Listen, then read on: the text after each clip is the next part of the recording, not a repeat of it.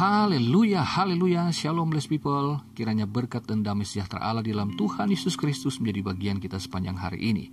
Kembali bersama saya, Pendeta Theodorus dan Rumah Berkat, House of Blessing.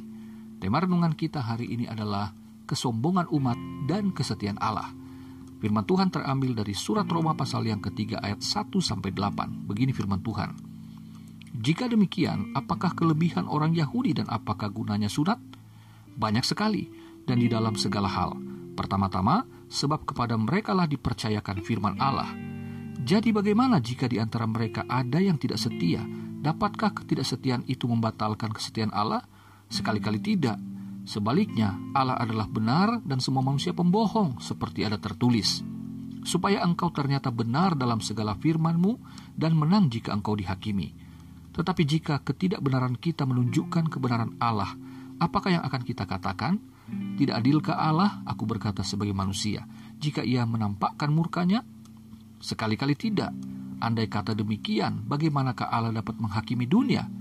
Tetapi jika kebenaran Allah oleh dustaku semakin melimpah bagi kemuliaannya, mengapa aku masih dihakimi lagi sebagai orang berdosa?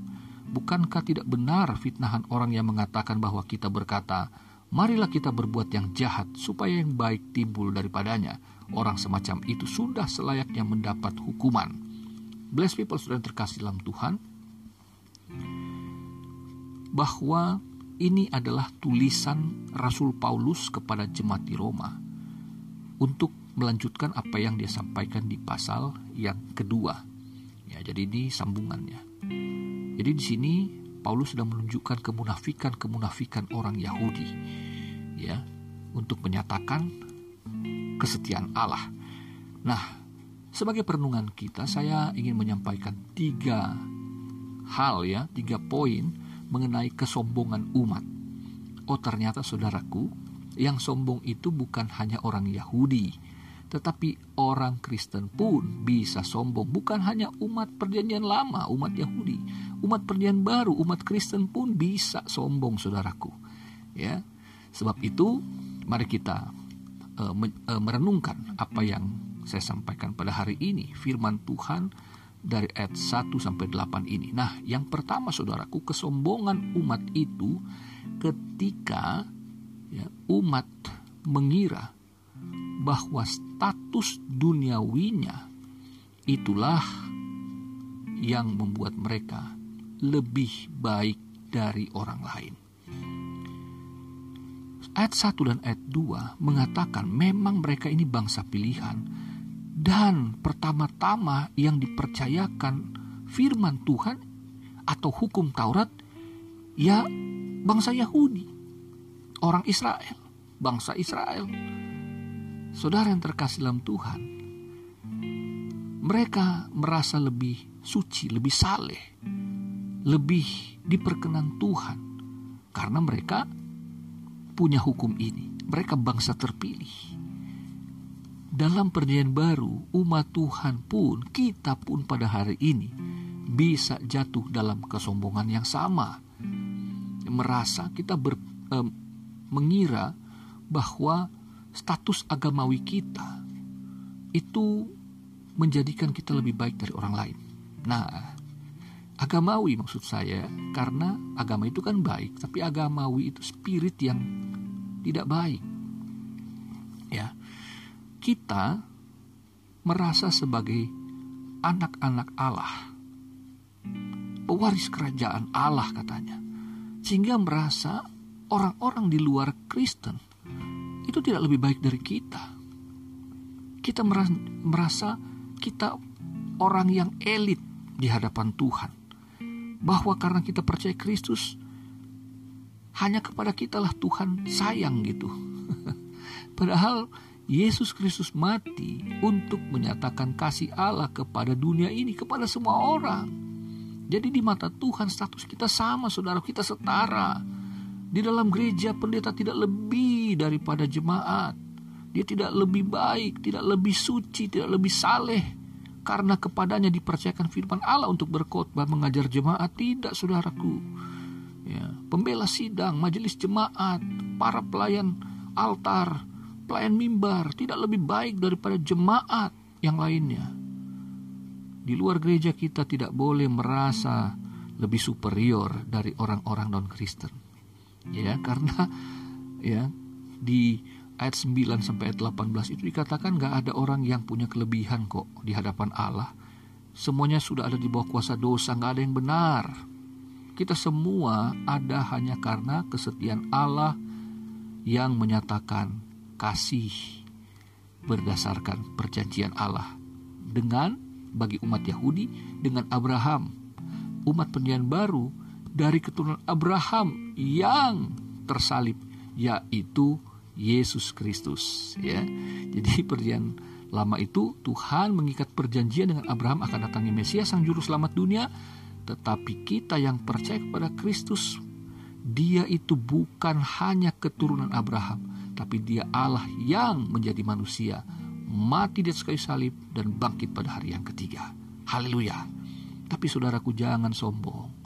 Jangan merasa lebih. Kita nggak punya privilege yang dapat kita pakai untuk menyatakan saya lebih suci, lebih diperkenan Allah karena saya Kristen. Ingat baik-baik bahwa kita semua ada hanya karena kemurahan, kasih, karunia Allah. Ya, jadi kita nggak boleh uh, menganggap, meng, uh, mengira ya bahwa status agamawi kita itu lebih baik daripada orang lain. Yang kedua, saudaraku, kesombongan yang kedua, kesombongan umat, yaitu ketika umat ini merasa kesetiaan Allah berdasarkan perbuatan umat. Ya. Jadi seolah-olah Allah itu bergantung kepada umat. Kalau kamu baik, ya Allah baik. Kamu memberi, Allah memberi. Jadi kita pakai hukum tabur tuai dengan Tuhan. Nah ini kacau ini saudara. Ingat ya, kita ini manusia nggak berguna karena dosa membuat kita kehilangan kemuliaan Allah kan kata Roma 2 eh, pasal 323 itu. Jadi nggak ada sesuatu yang dapat kita banggakan. Ya, kita ini manusia nggak berguna sesungguhnya hanya dijadikan berguna karena Allah menyelamatkan kita. Karena perjanjiannya Saudara yang terkasih, kita setia karena Allah yang lebih dulu setia. Oh, jadi saya bisa setia kepada pasangan saya, kepada istri, kepada keluarga saya, anak-anak saya, kepada jemaat yang saya layani, kepada pekerjaan Tuhan yang dipercayakan. Karena Allah telah menyatakan lebih dulu kesetiaannya, itulah teladan Kristus. Setia, sampai mati di atas kayu salib. Jadi bukan karena saya telah menunjukkan perbuatan-perbuatan yang hebat lebih dulu. Bukan saya telah berbakti lebih dulu sehingga Allah menyatakan kasih. Allah memberkati. Bukan. Tapi karena dia justru telah lebih dahulu menyatakan kesetiaan kasihnya itu kepada kita. Maka kita dimampukan untuk menyadari bahwa kita yang memiliki firman Allah yaitu di uh, ayat 3 sampai 4 itu memiliki firman Allah bukan menjadikan kita orang-orang yang dapat barter jasa dengan Tuhan. Enggak. Saya berbuat baik karena firman Allah yang ada pada saya mengingatkan Allah telah berbuat baik padamu. Oh jadi karena saya memiliki firman Allah perjanjian lama perjanjian baru yang disebut Alkitab Kristen itu maka saya dimampukan untuk melakukannya juga. Ayat 20 dikatakan sebab tidak seorang pun yang dapat dibenarkan di hadapan Allah oleh karena melakukan hukum Taurat. Jadi saya dibenarkan hanya oleh karena kasih karunia Allah. Dan dari kasih karunia itulah menyadarkan saya bahwa saya telah memiliki kasih Allah maka saya harus setia kepada Allah untuk menyatakan kasihnya kepada orang lain berdasarkan kasih Allah yang saya terima itu. Oh berarti saya melakukan firman Allah bukan untuk diselamatkan, melakukan firman Allah bukan untuk mendapatkan kesetiaan Allah, tapi saya setia melakukan firman Allah untuk menyaksikan siapa Allah di dalam Kristus Yesus itu. Amin saudaraku. Haleluya. Yang ketiga, ya itu terdapat di ayat 5 sampai 8. Kesombongan umat. Ketika umat berpikir perbuatan perbuatan dosa akan menghasilkan perbuatan baik. Apalagi demi kemuliaan Allah. Oh no no no. Saudaraku yang terkasih bahwa itu nggak benar kata Paulus. Itu layak dapat hukuman. Nah untuk memudahkan saya kasih contoh. Beberapa tahun yang lalu ini beneran saudara kisah nyata.